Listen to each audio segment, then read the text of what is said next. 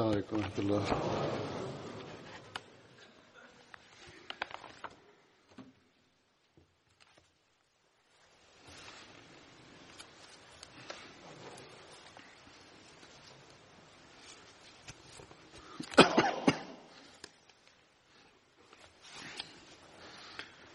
أشهد أن لا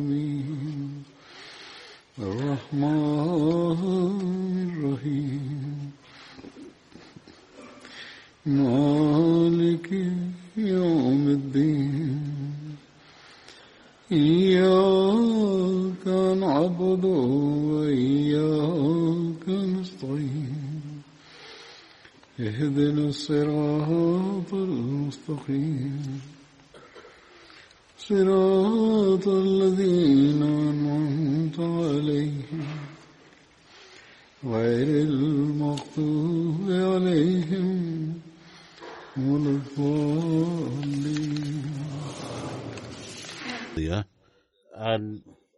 سيدنا محمد ابن مسلمة رضي الله عنه وبقى جزء منه سأتناوله اليوم. عند ذكر كعب بن الأشرف أن سيدنا محمدا ابن مسلمة أخرجه من بيته بحيلة ثم أخذه بعيدا عنه فاقتله. هنا ينشأ التساؤل فليس ذلك من الكذب؟ كما ذكر أيضا أن الكذب مسموح به انطلاقا من حديث عند بعض العلماء في ثلاثة مواضع لكنها في الحقيقة فكرة باطلة.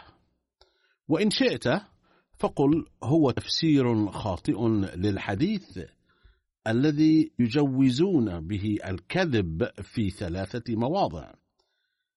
باختصار كنت قد وضحت ذلك انطلاقا مما ورد في كتاب سيرة خاتم النبيين ثم وجدت أن سيدنا المسيح الموعود عليه السلام أيضا سلط الضوء على هذا الموضوع في كتابه نور القرآن ردا على اعتراض مسيحي. وسأتناول بعض النصوص التي توضح المسألة تماما وأن الإسلام لم يسمح بالكذب مطلقا. يقول سيدنا المسيح الموعود عليه السلام دحضا لاعتراض مسيحي قال أن النبي صلى الله عليه وسلم أجاز الكذب في ثلاثة مواضع وأمر في القرآن صراحة بإخفاء الدين بينما الإنجيل لم يسمح بكتمان الإيمان. فقال حضرته ردا على ذلك فليتضح أني لا أعتقد أن الإنجيل يضم عشر معشار التأكيد الوارد في القرآن الكريم على التمسك بالصدق. ثم قال حضرته عليه السلام لقد جعل القرآن الكريم قول الزور مساويا لعبادة الأوثان كما يقول الله تعالى. فاجتنبوا الرجس من الأوثان واجتنبوا قول الزور. وقال في آية أخرى يا أيها الذين آمنوا كونوا قوامين بالقسط شهداء لله ولو على أنفسكم أو الوالدين والأقربين. افتح الإنجيل يا من لا تخاف الله وأخبرنا أين ورد مثل هذا التأكيد البالغ على التمسك بالصدق فيه. ثم قال حضرته موجها الخطاب إلى المعترض تقول إن النبي صلى الله عليه وسلم قد سمح بالكذب في ثلاثة مواقف لكنك أخطأت في ذلك جهلا منك وإنما الحقيقة أن الكذب غير مسموح به في أي حديث قط. بل إن الحديث ينص على إن قتلت وأحرقت. أي لا تتخلى عن الصدق حتى لو قتلت وأحرقت في سبيل ذلك. ثم إذا كان القرآن الكريم يقول تمسكوا بالصدق والإنصاف ولو خسرتم في سبيل ذلك أرواحكم. والحديث يؤكد ويقول تمسكوا بالصدق حتى لو أحرقتم وقتلتم. ففي هذه الحالة إذا كان أي حديث يقول فرضا خلاف القرآن الكريم والأحاديث الصحيحة فهو غير جدير بالاهتمام والقبول. فلا نقبل إلا تلك الأحاديث التي لا تعارض القرآن الكريم والأحاديث الصحيحة.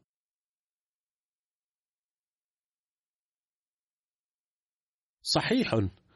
أن بعض الأحاديث تشير إلى جواز التورية أي استخدام كلمات لها أكثر من معنى وسمتها بالكذب لتكرهها والمعارضون يسمون ذلك الكلام ذا المعنى بالكذب تنفيرا وحين يقرأ أي جاهل وغبي مثل هذه الكلمة في أي حديث من باب التسامح أي تستخدم كلمة لتفهيم أحد وتسييرا له.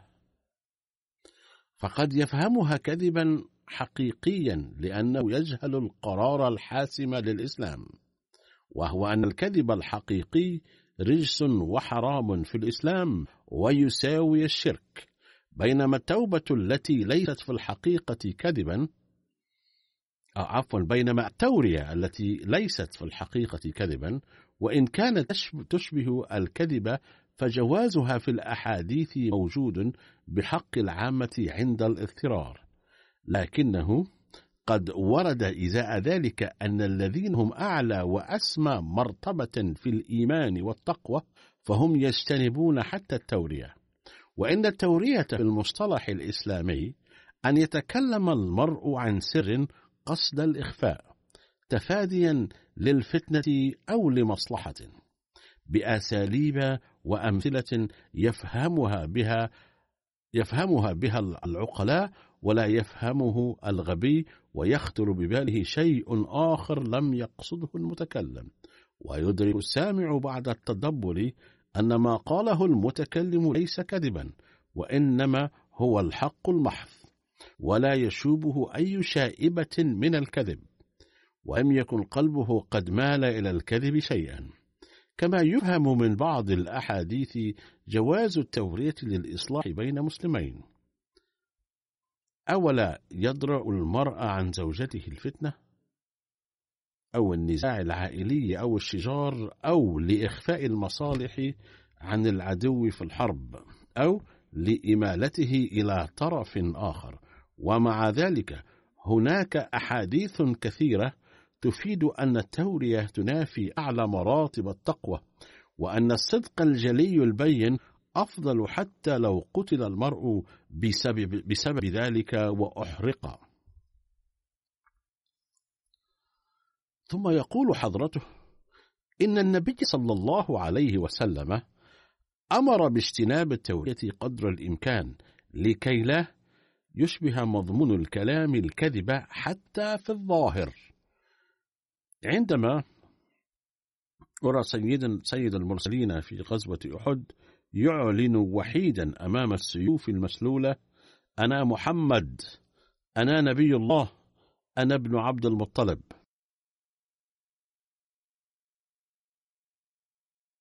هنا أود أن أوضح أن هذا الكتاب حين نشر كتب في حاشيته أن هذا سهو وأن حضرته صلى الله عليه وسلم قال ذلك في غزوة حنين لا في أحد. لكن خلية البحث قد أرسلت لي مقبسا من السيرة الحلبية الذي يفيد أن النبي صلى الله عليه وسلم قد نطق بهذه الجملة في غزوة حنين وأحد كلتهما.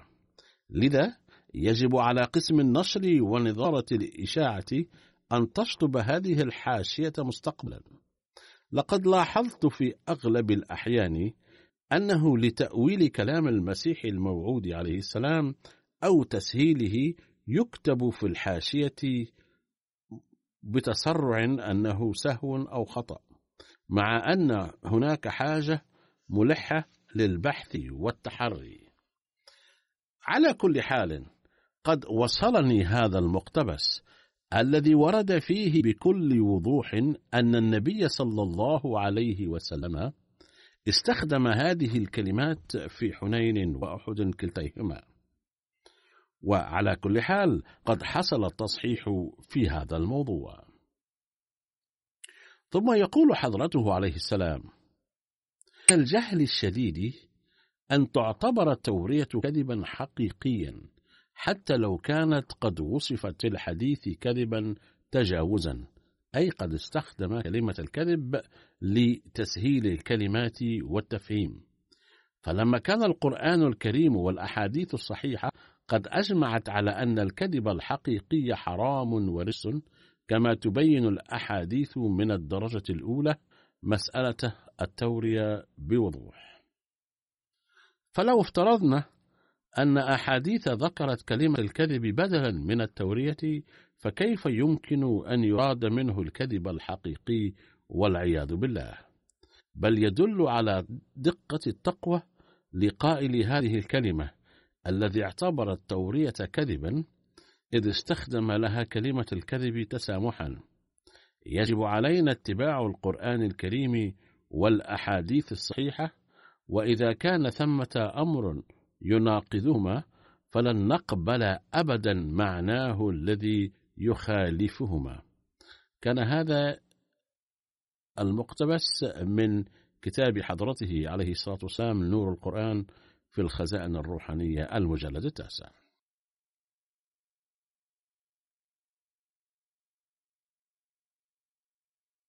ثم قال عليه السلام لعن القرآن الكريم الكاذبين وكذلك قال الكاذبون رفقاء الشيطان والكاذبون لا إيمان لهم. وتنزل على الكاذبين الشياطين. ولم يكتفي بقول ألا تكذبوا بل قال لا تصاحبوا الكاذبين وتجعلوهم أصدقائكم واتقوا الله وكونوا مع الصادقين. وقال في مكان آخر إذا تحدثت فيجب أن يكون كلامك صدقا محضا وينبغي ألا يكون فيه شائبة من الكذب حتى على سبيل المزاح. هذا توضيح ما كنت قلته سابقا والآن أبين الأحداث المتبقية من حياة محمد بن مسلمة. حين أراد بنو النظير قتل النبي صلى الله عليه وسلم بإلقاء رحى عليه غدرا فأخبره الله تعالى وحيا بما هموا به. فنهض صلى الله عليه وسلم سريعا كأنه يريد حاجة وتوجه إلى المدينة وبعد قليل تبعه أصحابه وحين وصلوا المدينة علموا أن النبي صلى الله عليه وسلم أرسل إلى محمد بن مسلمة بدعوه فقال أبو بكر رضي الله عنه يا رسول الله قمت ولم نشعر. فقال صلى الله عليه وسلم همت يهود بالغدر بي فأخبرني الله تعالى فقمت. وأنزل الله تعالى في ذلك قوله يا أيها الذين آمنوا اذكروا نعمة الله عليكم إذ هم قوم قوم أن يبسطوا إليكم أيديهم فكف أيديهم عنكم واتقوا الله وعلى الله فليتوكل المؤمنون.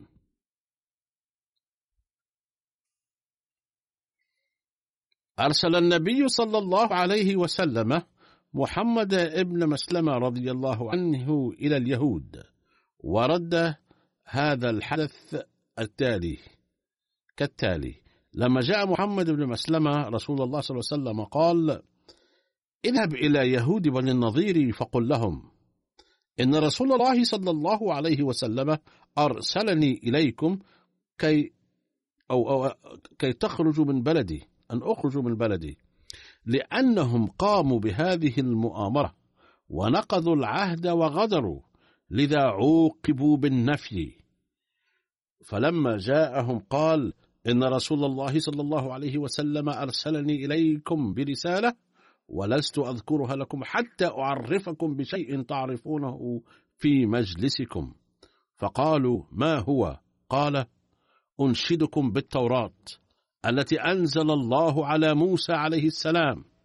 هل تعلمون أني جئتكم قبل أن يبعث محمد وبينكم التوراة؟ فقلتم لي في مجلسكم هذا يا ابن مسلمة إن شئت أن نغذيك وإن شئت أن نهودك. هودناك فقلت لكم بل غدوني ولا تهودوني. ولا تهودوني عفوا. فإني والله لا أتهود أبدا. فغديتموني في صحفة لكم وقلتم لي ما يمنعك من ديننا إلا أنه دين يهود. كأنك تريد الحنفية الذي سمعت بها. أما إن أبا عامر الراهب, الراهب ليس بصاحبها. أتاكم صاحبها الضحوك القتال في عينيه حمرة؟ ويأتي من قبل اليمن. يركب البعير ويلبس الشملة ويجتزئ بالكسرة وسيفه على عاتقه. ينطق بالحكمة كأنه وشيجتكم هذه. والله ليكونن في قريتكم هذه سلب وقتل ومثل. قالوا اللهم نعم قد قلنا ذلك وليس به. أي قد قلنا هذا كله ولكن محمدا ليس ذلك النبي الموعود. قال محمد بن مسلمة قد فرغت. إن رسول الله صلى الله عليه وسلم أرسلنا إليكم ويقول لكم إنكم قد نقضتم العهد الذي جعلت لكم بما هممتم به من الغدر بي. أخبرهم بما كانوا هموا به وظهور عمرو بن جحاش على البيت ليطرح الصخرة. فاسكتوا فلم يق... فسكتوا ولم يقولوا حرا ثم قال لهم محمد بن مسلمة بأن النبي صلى الله عليه وسلم يقول اخرجوا من بلدي وقد أجلتكم عشرا فمن رؤي بعد ذلك ضربت عنقه. قالوا يا محمد ما كنا نرى أن يأتي بهذا رجل من الأوس؟ قال محمد بن مسلمة تغيرت القلوب. فمكثوا على ذلك أياما يتجهزون وأرسلوا إلى ظهرهم بذي الجدر يجلب لهم وذو الجدر مرعى على بعد ستة أميال من المدينة نحو القبة وكانوا يرعون فيه مواشيهم. وتكاروا من الناس من أشجع إبلا وجدوا في الجهاز حتى من هذا من أحد كتاب التاريخ. يواصل حاطم ويقول كيف كان سلوك اليهود؟ كتب عن هذا الأمر الخليفة الثاني للمسيح الموعود عليه الصلاة والسلام حضرة المصلح الموعود رضي الله عنه في موضع حادث غدر بني قريظة. وقد مر ذكره عند الكلام عن عمار بن ياسر سابقا ولكن من الضروري ذكره هنا أيضا. قال حضرته رضي الله عنه كان أمر بني قريظة يكاد يبت, يبت فيه ولم يكن غدرهم مما يغض الطرف عنه. وأمر رسول الله صلى الله عليه وسلم فور عودته من غزوة الخندق أصحابه ألا يستريحوا في بيوتهم بل يجب أن يصلوا إلى حصون بني قريظة. ثم بعث صلى الله عليه وسلم علي بن أبي طالب إلى بني قريظة ليسألهم لماذا نكثوا العهود غادرين؟ ولكن اليهود لم يندموا ولم يستعفوا ولم يعتذروا. وإنما تكلموا مع علي وأصحابه بكلام سيء. وبدأوا يسبون الرسول صلى الله عليه وسلم ونساءه. وقالوا لا نعلم من هو محمد وليس بينه وبيننا أي عهد ولا ميثاق.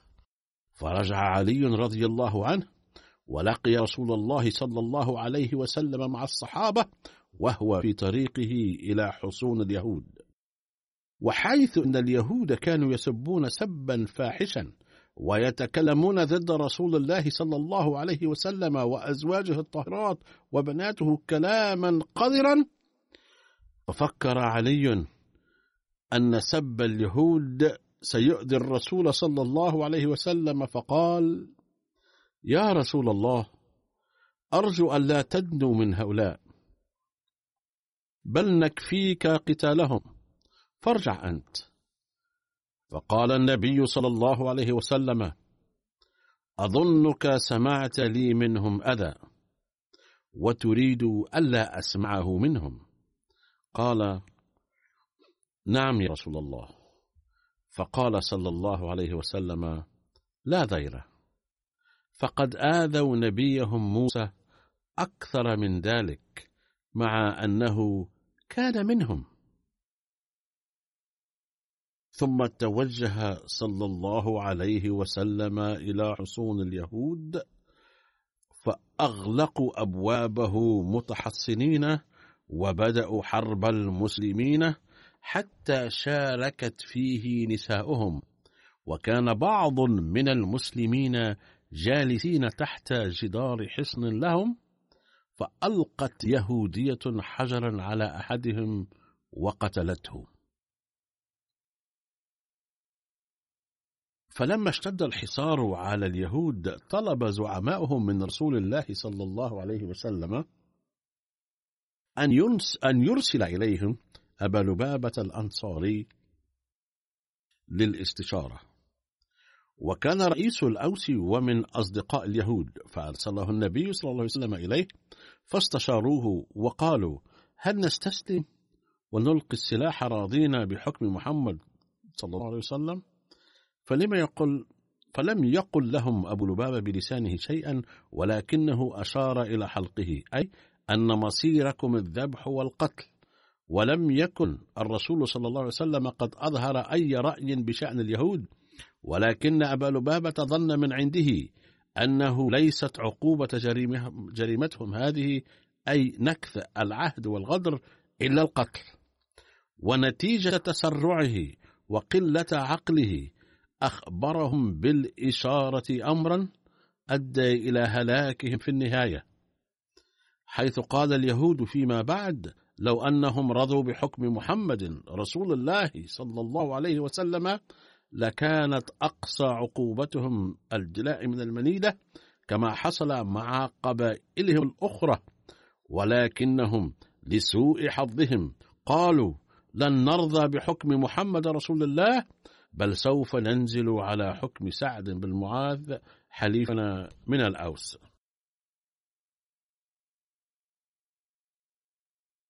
ثم اختلف اليهود فيما بينهم فقال بعضهم لقد غدرنا بالمسلمين وإن سلوكهم يدل على أن دينهم هو الحق. فدخل بعضهم في الإسلام تاركين اليهودية وقال لهم رجل منهم وهو عمرو بن سعد وهو يلومهم يا معشر اليهود لقد حالفتم محمدا على ما حالفتموه عليه ثم غدرتم به. فإن أبيتم أن تدخلوا معه في دينه فاثبتوا على اليهودية وأعطوا الجزية. فقال معظمهم لن ندخل في الإسلام ولن نعطي الجزية بل القتال أو القتل أفضل لنا. فقال فإني بريء منكم وخرج من الحصن. فمر بكتيبة من المسلمين عليه محمد بن مسلمة فقال له محمد بن مسلمة من هذا؟ فقال أنا فلان. فقال محمد مرة اللهم لا تحرمني إقالة عثرات الكرام.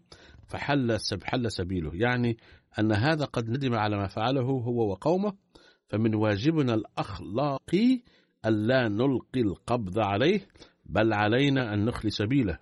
وأدعو الله تعالى أن يوفقني لمثل هذه الأعمال ولما علم النبي صلى الله عليه وسلم بذلك لم يعنف محمد بن مسلمة على ذلك ولم يقل له لماذا تركت هذا اليهودي؟ بل أشاد بفعله فالحق أن المسلمين قد أنصفوا إلى الناس دائما نتيجة تعليم وتربية النبي صلى الله عليه وسلم. لما أثاروا لما أثار عفوا أهل خيبر الشر قتل المسلمون أبا رافع اليهودي عقابا على ذلك.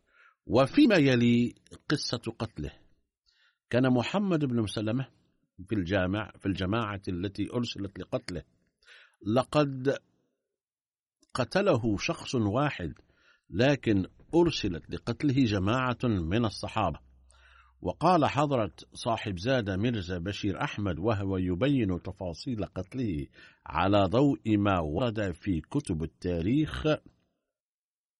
حصلت الفتنة الخطيرة حرب الأحزاب. في آخر السنة الخامسة الهجرية نتيجة تأليب زعماء اليهود الكفار على المسلمين. وكان زعيم اليهود حيي بن الأخطب قد نال عقابه مع اليهود الآخرين من بني قريظة.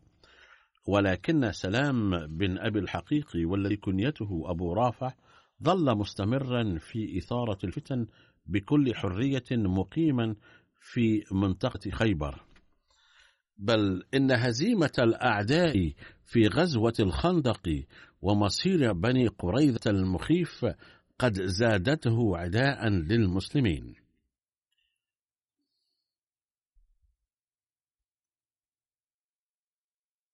وكان مسأل قبائل عطفان قريبا من خيبر حيث كان يهود خيبر وقبائل نجد جيرانا وكان أبو رافع رجلا ثريا وتاجرا كريما وكان من دأبه تأليب قبائل نجد الهمجية المحاربة على المسلمين دوما وكان مثيلا لكعب بن الأشرف في عداء النبي صلى الله عليه وسلم. وقد أمد, أمد العطفينيين في تلك الأيام بأموال كثيرة لكي يشنوا الهجوم على النبي صلى الله عليه وسلم. والثابت من التاريخ أن الخطر الذي هدد المسلمين من قبل بني سعد في شهر شعبان والذي بعثت لمواجهة كتيبة تحت قيادة سيدنا علي رضي الله عنه قد كان يهود خيبر وراء هذا الخطر أيضا وقد كانوا يقومون بكل هذه المؤامرات تحت إشراف أبي رافع. وبتخطيط وتأليب منه ولكن أبا رافع لم ينتهي عند ذلك الحد فحسب بل كانت نار عداوته متعطشة لدماء المسلمين. وكان وجود النبي صلى الله عليه وسلم كالشوكة في عينيه فدبر في نهاية المطاف مكيدة ماكرة فبدأ بجولة في قبائل نجد مثل غطفان وغيرها كما حدث قبيل غزوة أحد وبدأ يجمعهم كجيش عظيم للقضاء على المسلمين.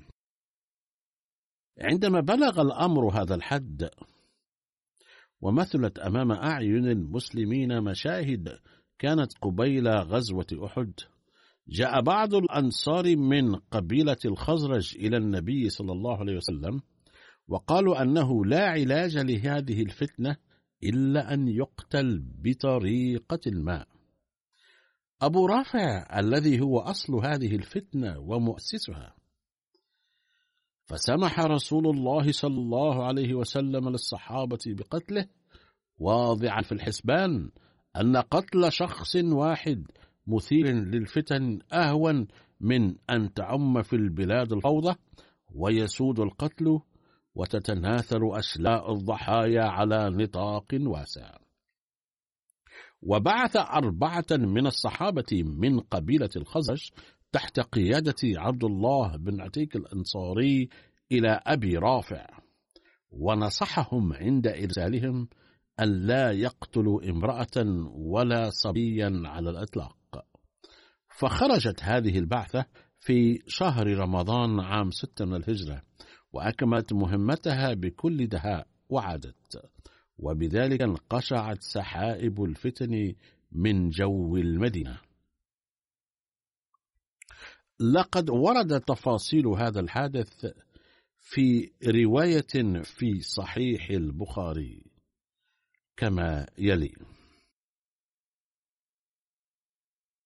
عن البراء بن عازب قال بعث رسول الله صلى الله عليه وسلم إلى أبي رافع اليهودي رجالا من الأنصار فأمر عليهم عبد الله بن عتيك وكان أبو رافع يؤذي رسول الله صلى الله عليه وسلم ويعين عليه. وكان في حصن له بأرض الحجاز فلما دنوا منه وقد غربت الشمس. فقال عبد الله لأصحابه اجلسوا مكانكم. فأقبل حتى دنا من الباب ثم تقنع بثوبه كأنه يقضي حاجة. وقد دخل الناس فهتف به البواب يا عبد الله إن كنت تريد أن تدخل فادخل فإني أريد أن أغلق الباب. فدخلت فكمنت أغلق الباب ثم علق الأغاليق على وئد على وتد. قال فقمت إلى الأقاليد فأخذتها ففتحت الباب. ليتمكن من الخروج من الحصن بسهولة عند الضرورة.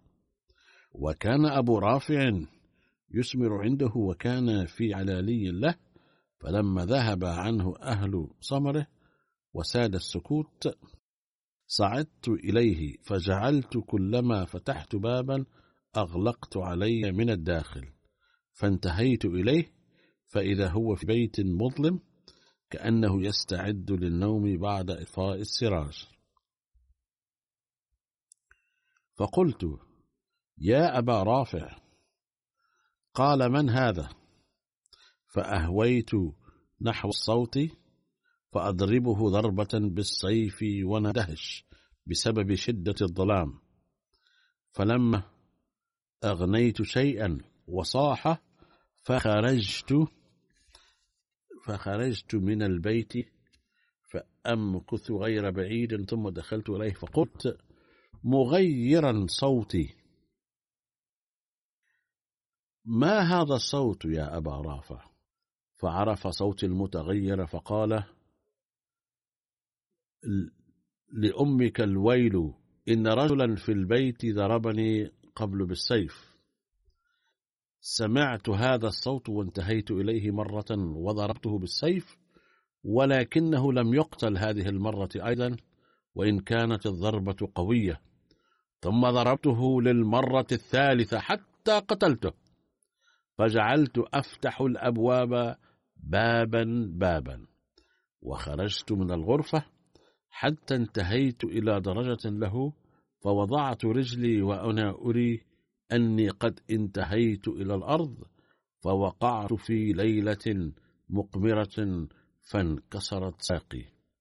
وفي رواية أنه مفصل ساقي انزلق.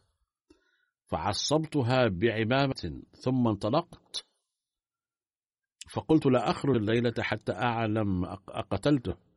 فاختبأت في مكان قرب الحس فلما صاح الديك قام الناعي على السور فقال أنعى أبا, أنعى أبا رافع تاجر أهل الحجاز. فانطلقت إلى أصحابي فانتهيت إلى النبي صلى الله عليه وسلم فحدثته فقال أبسط رجلك فبسطت رجلي فمسحها وهو يدعو فكأنها لم أشتكها قط. وفي رواية أنه عندما هجم أبو عتيك على أبي رافع فصاحت امرأته بشدة فخفت أن ينتبه الناس بسماع صوتها فرفعت صوت سيفي عليها ثم تذكرت نهي النبي صلى الله عليه وسلم عن قتل النساء فامتنعت. كذلك جاء في كتاب سيرة خاتم النبيين لا حاجة لنا إلى البحث في تبرير لقتل أبي رافع لكن لأن مكائده الدموية منتشرة على أوراق التاريخ بكل وضوح. وقد أوردت بحثا مستفيضا في بيان حادث مماثل وذلك في بيان قتل كعب بن الأشرف. كانت حالة المسلمين آنذاك ضعيفة جدا إذ كانوا محاطين بالأخطار والمصائب من كل حدب وصوب. كان البلد كله متحدا على القضاء عليهم قضاء نهائيا. وفي تلك الظروف العصيبة كان أبو رافع يحرض قبائل مختلفة ضد الإسلام وكان يعد عدته ليهاجم المدينة بالتعاون مع قبائل العرب الوحشية كلها متحدين فيما بينهم مرة أخرى كما حدث في غزوة أحد. أقول إني أذكر لو أذكر هنا الأحداث بإيجاز شديد ولا أسرد التاريخ بكامله. لماذا كان قتله جائزا؟ لأنه لم تكن في بلاد العرب حين ذاك حكومة رسمية. ليكون تطبيق العدل بواسطتها ممكن بل كانت كل قبيلة حرة في حد ذاتها. فلم تكن هناك طريقة سوى هذه الطريقة تضمن استتباب الأمن ولم يكن بالإمكان حيلة أخرى تضمن حفظ الأنفس.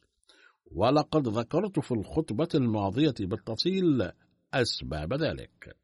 وأنه لم تكن هناك حكومة سوى حكومة النبي صلى الله عليه وسلم على أي حال. ما فعله الصحابة في ظل تلك الظروف كان جائزا ومشروعا. وإن مثل هذه التدابير تعتبر مشروعة تماما. إذ كان قوم من الأقوام يعيش حالة الحرب فتكون القضية قضية حياة أو موت.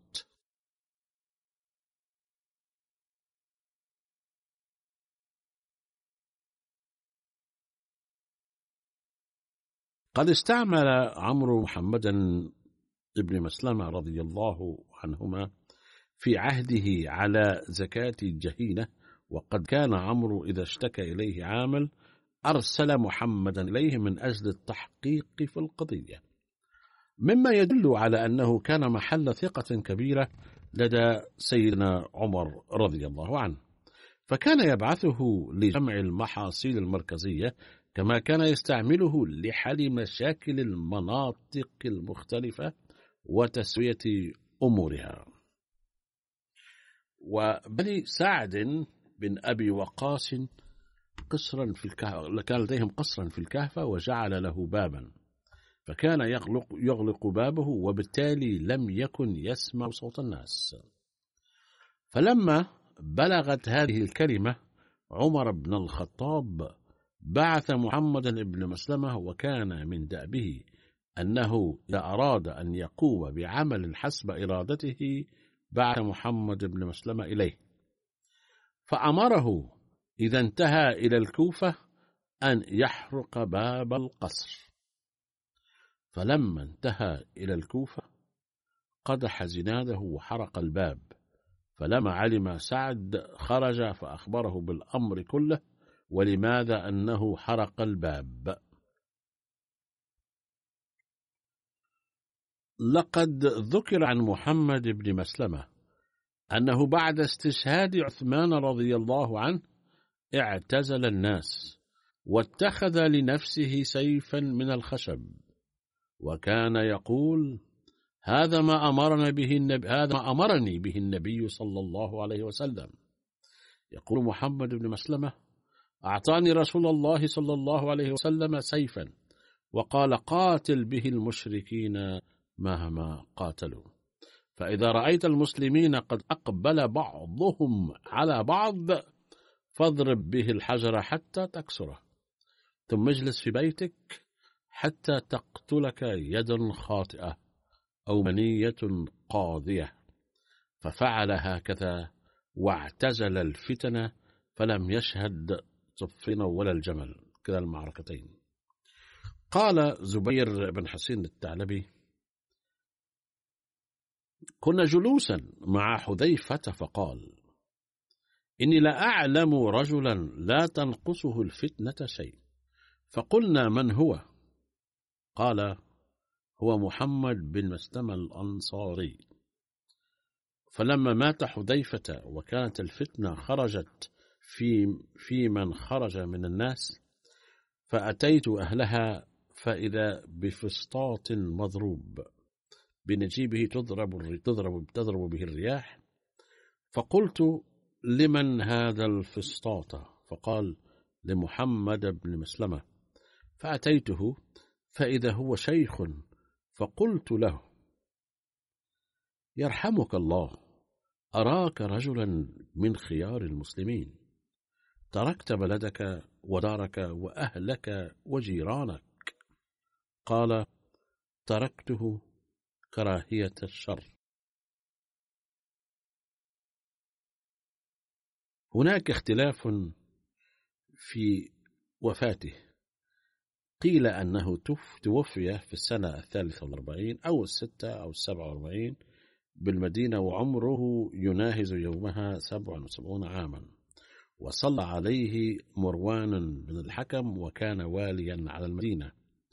وذكر أو ذكر في بعض الروايات أنه قد قتلته أو قتله أحد الناس.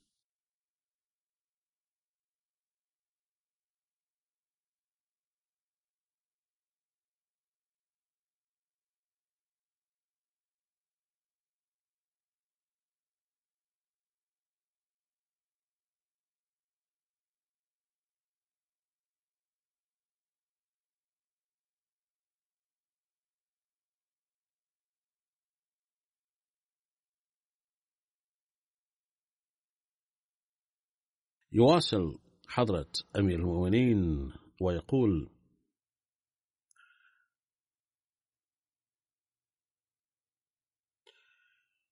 وأنهي الآن ذكره رضي الله عنه وإن شاء الله سأصلي صلاة الجنازة بعد صلاتي الجمعة والعصر.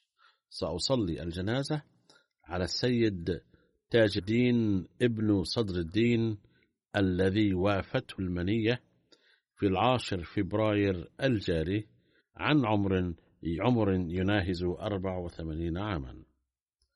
إن لله وإنا إليه راجعون.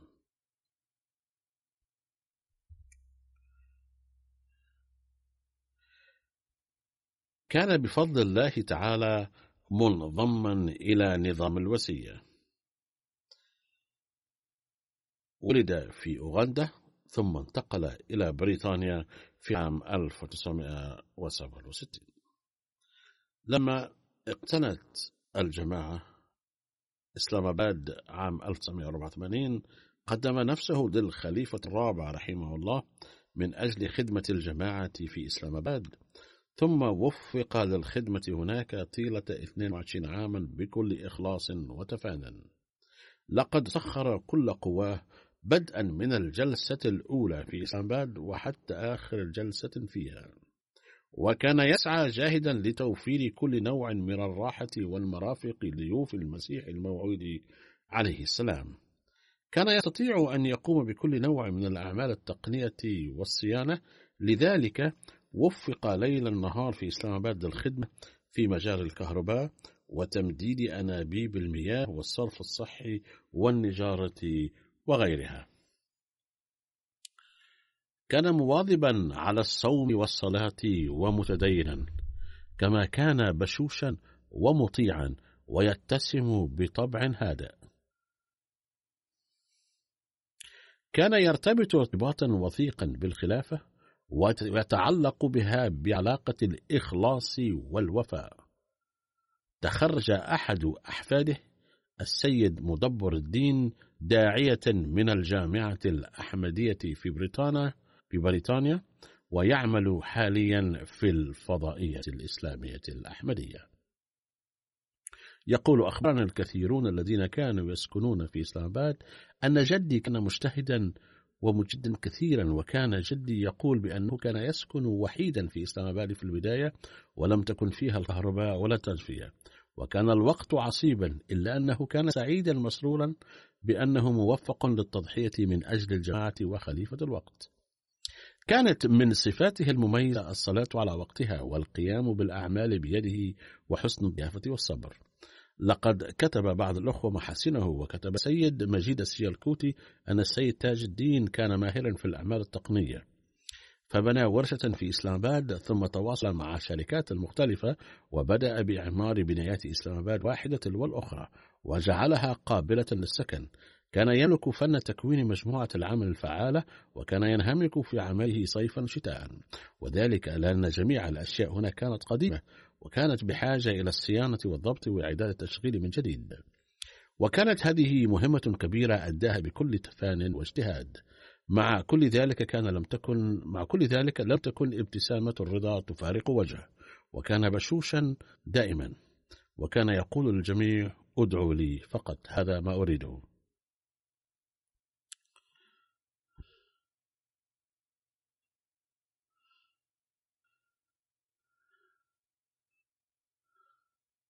لم يهتم أثناء إقامته في إسلام في غرفة صغيرة بأهله وأولاده الذين كانوا يعيشون في لندن غير أنه كان يزورهم من وقت لآخر. رحمه الله وغفر له.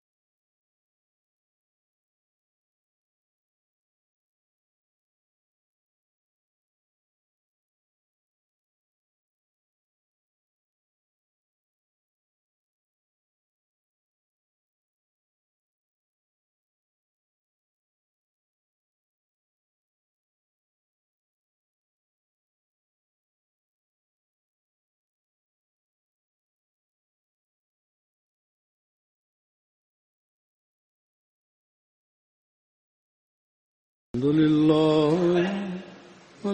الحمد لله نحمده ونستعينه ونستغفره ونؤمن به ونتوكل عليه ونعوذ بالله من شرور أنفسنا ومن سيئات أعمالنا. من يهده الله فلا مضل له ومن يضلل فلا هادي له. ونشهد أن لا إله إلا الله ونشهد أن محمدا عبده ورسوله.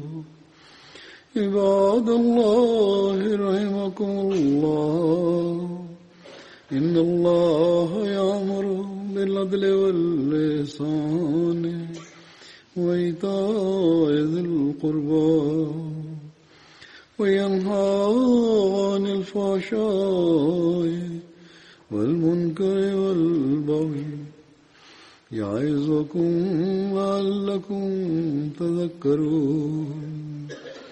اذكروا الله يذكركم.